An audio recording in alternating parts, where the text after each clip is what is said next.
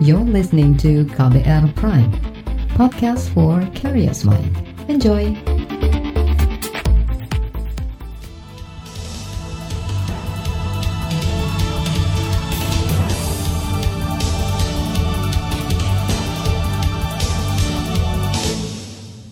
Selamat pagi saudara, senang sekali rasanya saya Reski Mesanto bisa hadir kembali menjumpai Anda melalui program Buletin Pagi edisi hari ini Kamis 18 Juni 2020. Pagi hari ini kami telah menyiapkan sejumlah informasi terkini untuk Anda. Di antaranya, pemerintah tambah kuota pemeriksaan spesimen COVID-19, aktivis anti rasisme Papua difonis penjara atas tuduhan makar, dan Pemkot Balikpapan alihkan dana bos untuk kuota internet. Saudara, inilah buletin pagi selengkapnya. Terbaru di buletin pagi. Pemerintah melalui gugus tugas percepatan penanganan COVID-19 mengklaim terus menambah kuota pemeriksaan spesimen warga terindikasi COVID-19. Pemerintah menargetkan pemeriksaan ditambah hingga 30 ribu sampel setiap hari. Juru bicara pemerintah untuk penanganan COVID-19 Ahmad Yuryanto mengklaim Rabu kemarin, jumlah spesimen yang diperiksa sebanyak 19.000 lebih spesimen dalam sehari. Hari ini kita telah melakukan pemeriksaan spesimen sebanyak 19.757 spesimen. Sehingga total sampai hari ini yang sudah kita periksa adalah 559.872 spesimen. Baik kita periksa dengan real time PCR maupun dengan TCM, tes cepat molekuler yang sudah kita distribusikan ke seluruh rumah sakit, kurang lebih 422 rumah sakit yang memiliki mesin TCM. Juru bicara pemerintah untuk penanganan COVID-19 Ahmad Yuryanto mengatakan, pemeriksaan spesimen masih terkendala beberapa laboratorium masih menerapkan hari libur tanggal merah dan menghentikan sementara pemeriksaan, seperti laboratorium di perguruan tinggi. Hal ini mengurangi jumlah pemeriksaan hanya sekitar 8.000 spesimen per hari. Dari laporan terakhir ada tambahan 1.031 kasus positif dalam sehari terakhir. Total pasien terkonfirmasi positif COVID-19 di Indonesia mencapai lebih dari 41 ribu orang. Sementara itu, saudara, meski pemerintah menargetkan bisa menambah jumlah pemeriksaan spesimen atau sampel, banyak laboratorium mengalami masalah. Lembaga Biologi Molekuler Eijkman hanya memeriksa sekitar 300 hingga 400 sampel per hari. Padahal laboratorium ini mampu memeriksa sekitar 1000 sampel per hari atau bisa tiga kali lipatnya. Kepala Lembaga Biologi Molekuler Eijkman Amin Subandrio mengatakan, meski kapasitas cukup besar, namun spesimen yang dikirim ke laboratoriumnya hanya sedikit. Kami ditargetkan sebenarnya mencapai seribu per hari, jadi diharapkan bisa melakukan eh, sampai dengan seribu per hari. Iya saat ini spesimen yang sampel yang masuk ya belum terlalu, terlalu banyak hanya sekali-sekali aja sampai 700 misalnya per hari tapi sebagian besar sih ya rata-rata ya sekitar 3-400 sampel per hari jadi masih masih bisa di jadi kapasitas. Kepala Lembaga Biologi Molekuler Eijkman Amin Subandrio menjelaskan, laboratoriumnya juga menerima sampel dari 140-an rumah sakit di seluruh Indonesia. Ia juga berharap daerah-daerah yang sudah memasuki masa transisi atau relaksasi bisa meningkatkan pemeriksaan atau tes kesehatan COVID-19. Saudara, Laboratorium Kesehatan Daerah DKI Jakarta kekurangan sumber daya manusia untuk mempercepat pemeriksaan sampel COVID-19. Kepala Laboratorium Kesehatan DKI, Endra Muryanto, mengatakan, dengan SDM yang ada saat ini, Laboratorium DKI mampu memeriksa sekitar 1000 sampel per hari.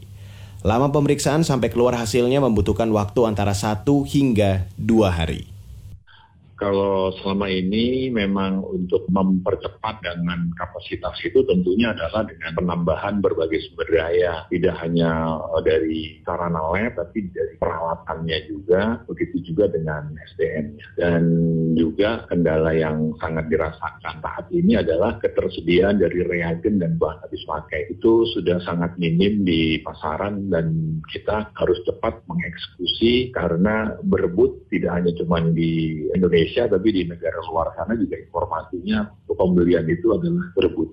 Kepala Laboratorium Kesehatan DKI Jakarta, Endra Muryanto mengatakan, pemeriksaan spesimen saat ini meningkat 10 kali lipat dibandingkan pada dua bulan lalu. Jika sebelumnya sampel yang diperiksa berkisar 100 sampel per hari, kini mencapai 1000 sampel per hari. Saudara, laboratorium PCR di RSUD Wongso Kota Semarang, Jawa Tengah mengeluhkan stok reagen otomatis kosong. Padahal reagen otomatis dibutuhkan untuk mempercepat pemeriksaan spesimen. Apalagi pemerintah Jawa Tengah kini sedang menggiatkan tes cepat secara massal. Direktur Utama RSUD Wongso Semarang, Susi Herawati mengatakan, tes massal cepat juga menyebabkan tenaga medis, khususnya tim laboratorium, bekerja penuh dalam sepekan.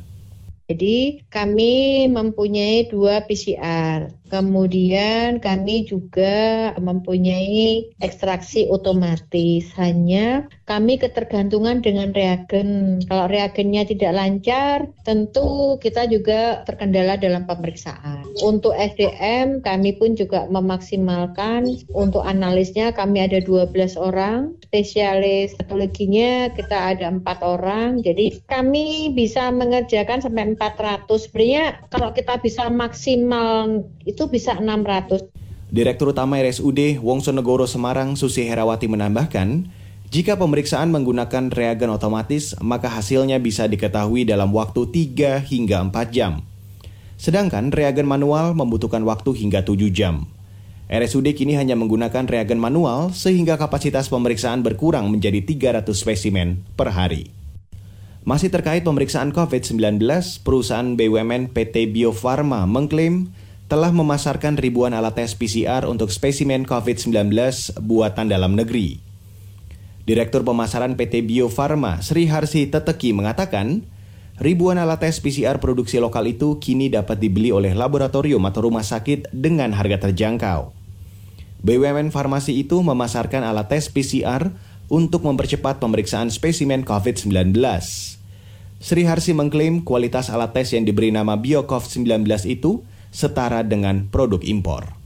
Keunggulan dari RT-PCR dari Bio Farma atau BioCov 19 kita uh, merupakan golden standard dalam mendiagnosis uh, COVID-19 dan memiliki sensitivitas tinggi dibanding rapid test diagnostik uh, mendekati 100% atau sekitar 96% dan kita menetapkan untuk harga sangat terjangkau. Selain itu, uh, tentunya kualitas dari RT-PCR yang ada di Indonesia ini sebanding dengan diimpor. Direktur Pemasaran PT Bio Farma Sri Harsi mengatakan, alat tes PCR hasil pengembangan BPPT itu sudah mendapat izin edar dari Kementerian Kesehatan pada awal Mei lalu. Ia mengklaim ratusan ribu tes kit Biocov 19 telah didistribusikan ke 45 lokasi di 19 provinsi di Indonesia.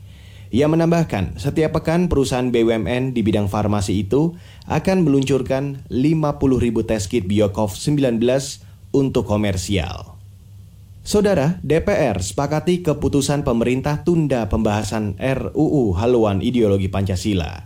Informasi selengkapnya akan kami hadirkan sesaat lagi usai jeda, jadi tetaplah bersama kami di Buletin Pagi KBR. You're listening to KBR Pride, podcast for curious mind. Enjoy!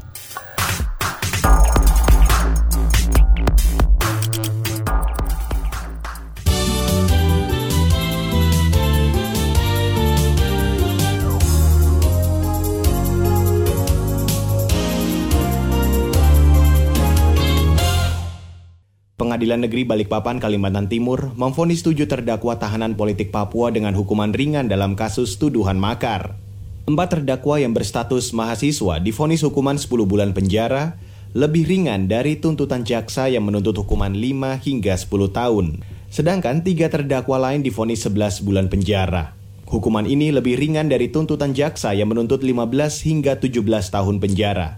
Menanggapi vonis itu, pengacara HAM Papua, Veronica Koman menilai, Fonis kepada para terdakwa masih syarat dengan sikap rasisme di pengadilan, meskipun putusan lebih rendah dibandingkan tuntutan awal jaksa. Menurut saya ini uh, berarti kampanye nasional dan internasional berhasil. Terima kasih kepada solidaritas terutama BEM BEM Senun Santara yang telah menunjukkan uh, pernyataan sikapnya itu sangat-sangat membantu. Tapi menurut saya juga putusan ini masih mencerminkan rasisme dalam uh, pengadilan kita. Karena mau bagaimanapun apa pun itu yang terjadi pokoknya orang Papua harus tetap diputus bersalah. Begitu. Itu tadi pengacara HAM Papua Veronica Koman. Sebelumnya, tujuh warga Papua termasuk bekas Ketua Badan Eksekutif Mahasiswa Universitas Cendrawasih ditangkap usai aksi demonstrasi memprotes perlakuan rasis yang menimpa mahasiswa Papua di Surabaya. Aksi di sejumlah tempat di Papua diwarnai kerusuhan. Sejumlah orang ditangkap dan didakwa melakukan makar terhadap negara. Saudara, sementara itu Komisi Nasional Hak Asasi Manusia Komnas HAM akan mengevaluasi proses pengadilan terhadap tujuh orang tahanan politik Papua yang dikenai tuduhan makar. Anggota Komnas HAM BK Ulung Hapsara mengatakan, evaluasi itu untuk melihat apakah persidangan sudah memenuhi hak atas keadilan. Saya kira Komnas HAM meminta kepada negara untuk tidak uh, menjalankan kebijakan hukum yang diskriminatif. Artinya apa? harus pertama harus dilihat dalam konteks yang lebih besar termasuk misalnya sekarang ini fonisnya itu kan bentuk dari reaksi aksi rasisme yang ada di beberapa kota di Jawa Timur itu yang pertama Anggota Komnas HAM BK Ulung Hapsara menambahkan, evaluasi juga akan dilakukan menyeluruh terhadap tindakan, program-program dan kebijakan negara terhadap masyarakat Papua. Apalagi selama ini banyak pengaduan dari masyarakat ke Komnas HAM mengenai proses penanganan aksi menentang rasisme yang dilakukan sejumlah mahasiswa dan aktivis Papua. Kita beralih ke informasi selanjutnya, saudara. DPR dan pemerintah sepakat menunda pembahasan rancangan undang-undang haluan ideologi Pancasila. Wakil Ketua DPR RI Sumfmi Dasko Ahmad mengatakan, fokus pemerintah baiknya diarahkan pada penanganan wabah COVID-19 dan mengembalikan perekonomian negara yang babak belur akibat pandemi. Bahwa konsentrasi pemerintah pada penanganan COVID-19 dan kita pengen bahwa eh, penanganan COVID-19 itu juga menjadi terukur sehingga kesehatan rakyat tetap terjaga fokusnya dan eh, mudah-mudahan ekonomi bisa berjalan dengan baik dan seperti kami sudah sampaikan kemarin bahwa eh, secara teknis memang eh, belum ada pembahasan di DPR soal hal itu. Wakil Ketua DPR RI Sufmi Dasko Ahmad menegaskan RUU haluan ideologi Pancasila secara teknis belum dibahas oleh DPR dan pemerintah. RUU itu merupakan usul inisiatif DPR, namun sejumlah fraksi menolak membahas yaitu fraksi Demokrat dan PKS. Sementara itu, Wakil Presiden Maruf Amin menyatakan pemerintah menunda membahas RUU itu. Penunda dilakukan setelah pemerintah bertemu sejumlah ormas seperti PBNU, Muhammadiyah, dan Majelis Ulama Indonesia. Saudara, Kementerian Desa menerima 3.600 laporan penyalahgunaan bantuan sosial selama pandemi COVID-19. Wakil Menteri Desa Budi Aristiadi mengatakan, ribuan laporan tersebut telah diteruskan ke aparat penegak hukum.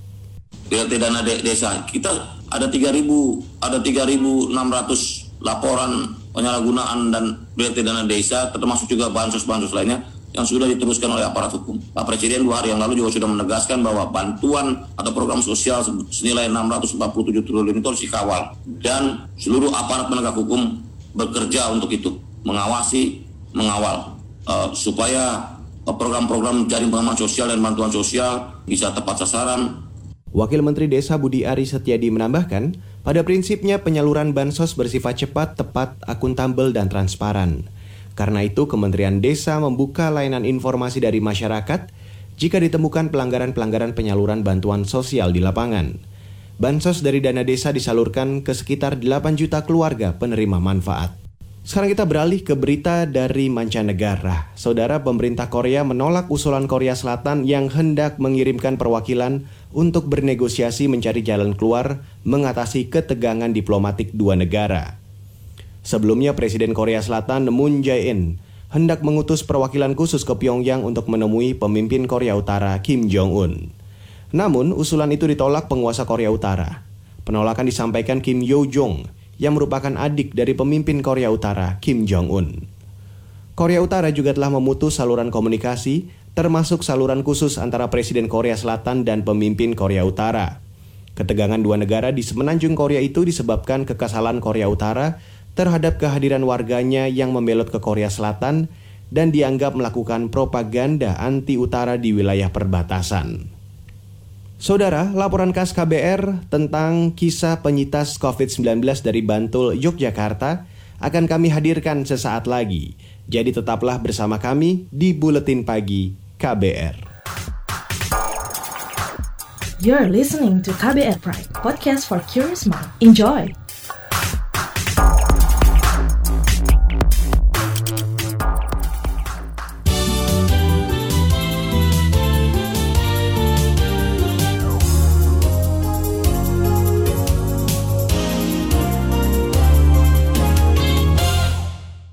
Anda masih terus mendengarkan Buletin Pagi KBR bersama saya Reski Mesanto.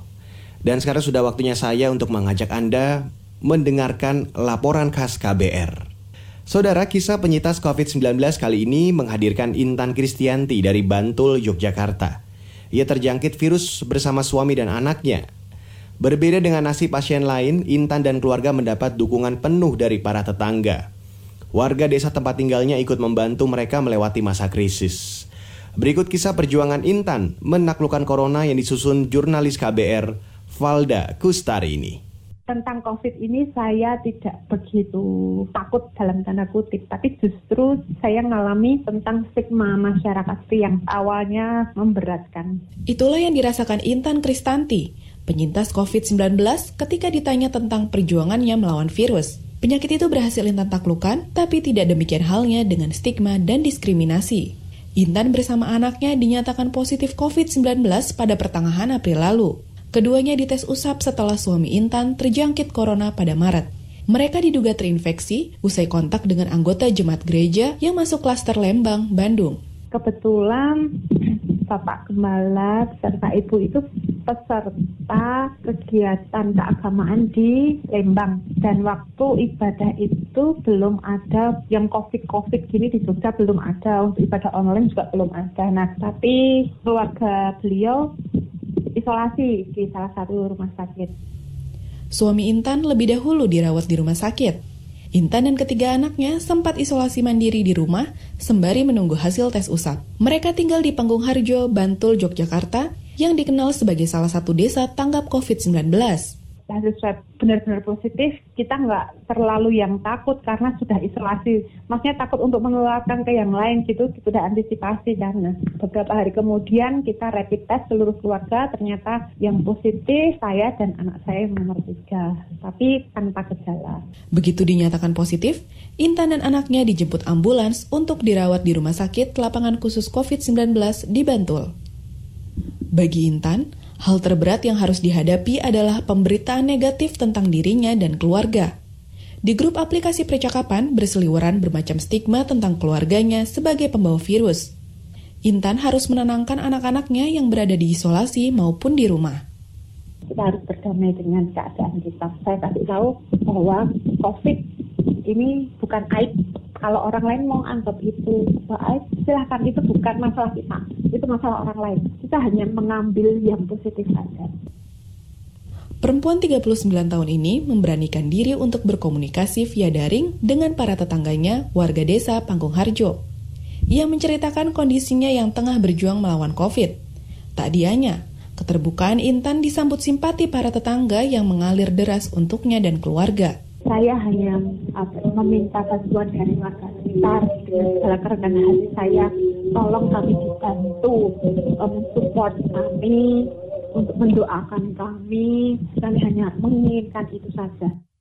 Warga kemudian berbondong-bondong memberikan dukungan. Tak cuma doa dan pesan penyemangat lewat aplikasi WhatsApp, tetapi juga bantuan pangan yang disuplai setiap hari ke rumah Intan saat mereka sekeluarga menjalani isolasi mandiri makanan, sembako itu dikasih di gerbang, di, di, di pintu masuk uh, rumah kita itu sudah disediakan. Jadi selama beberapa bulan kami dipelihara oleh warga. Selama 16 hari di rumah sakit, Intan berupaya menghindari stres. Ditemani gitar, ia melawan rasa bosan dengan bernyanyi, melantunkan puji-pujian dan doa penyembahan saya kepada Tuhan saya semakin dekat itu kayak mendapatkan nafas yang baru. Justru ketika di dalam saya menulis banyak hal yang saya bisa bagikan ke teman-teman yang lain bahwa kena COVID itu nggak seburuk yang orang lain pikir. Intan dinyatakan sembuh pada 8 Mei 2020. Kepulangannya disambut hangat para tetangga yang menunggunya di rumah. Kalau yang datang ke rumah diwakili sama beberapa warga saja dan menyambut saya di depan pintu rumah. Kemudian ada yang fit call, ada yang terharu, ikut berbahagia, semuanya lah. Intan kini kembali menekuni bisnisnya berjualan makanan via daring. Namun, ia mengakui usahanya ini sempat anjlok kena imbas stigma pasien COVID-19. Meski demikian, Intan tidak sudi pasrah. Ia bahkan melebarkan sayap dengan merambah bisnis baru. Betul kerja biasa saya bikin makanan, cuman kan saya pakai online kebetulan saya juga iseng kan yang biasanya kita kerja dari pagi sampai sore ternyata siang sudah selesai lah itu kita mau ngapain bercocok tanam lah saya kembangkan Berstatus sebagai penyintas, Intan mengajak masyarakat tak menyematkan stigma pada pasien COVID-19. Sebab stigma hanya akan menambah derita para pasien. Kalau kita tidak bisa membantu apa-apa, kita bisa membantu dengan diam. Gitu. Karena ini akan sangat mempengaruhi sekali bagi pasien ketika banyak hal yang negatif yang menyerang pasien. Nah, seandainya ada keluarganya yang kena, bagaimana rasanya? Dan demikian juga bagaimana harus memperlakukan orang lain. Demikian laporan khas KBR. Saya Valda Kustarini. Saudara, informasi dari daerah akan kami sajikan usai jeda. Tetaplah bersama kami di Buletin Pagi KBR. You're listening to KBR Pride, podcast for curious mind. Enjoy!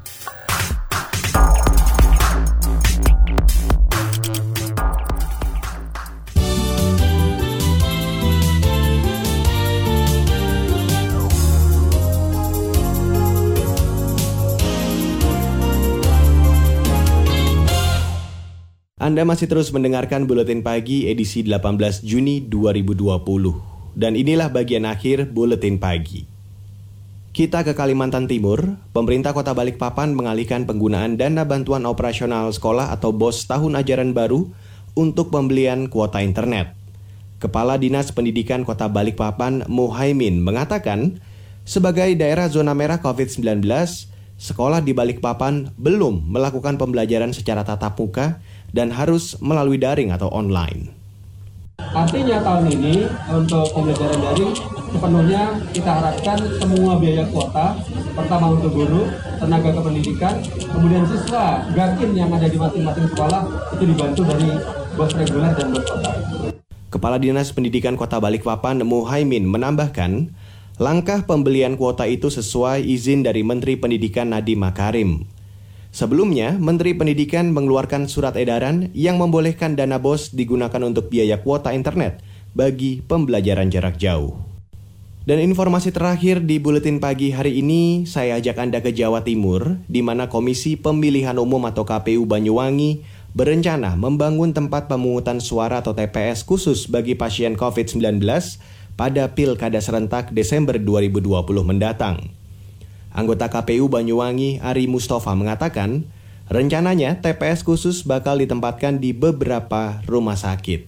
Nanti e, untuk yang sudah dinyatakan positif atau status PDP itu nanti akan ada e, perlakuan khusus, mungkin dengan e, TPS khusus di tempat karantinanya atau di rumah sakit tempat mereka dirawat itu nanti akan ada TPS khusus uh, ini masih rencana ya uh, rencananya ada seperti itu dan petugas KPPS-nya itu dimungkinkan diambilkan dari tenaga medis. Anggota KPU Banyuwangi Ari Mustafa menambahkan, nantinya pemilih maupun panitia akan dibekali alat pelindung diri lengkap sebagai syarat pencegahan COVID-19.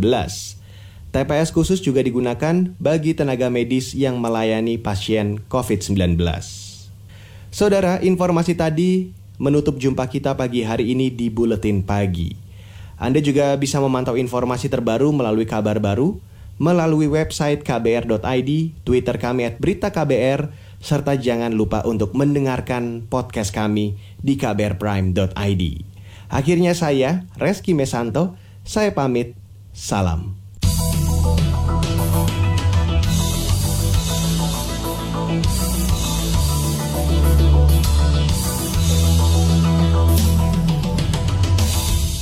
KBR Prime, cara asik mendengar berita. KBR Prime, podcast for curious mind.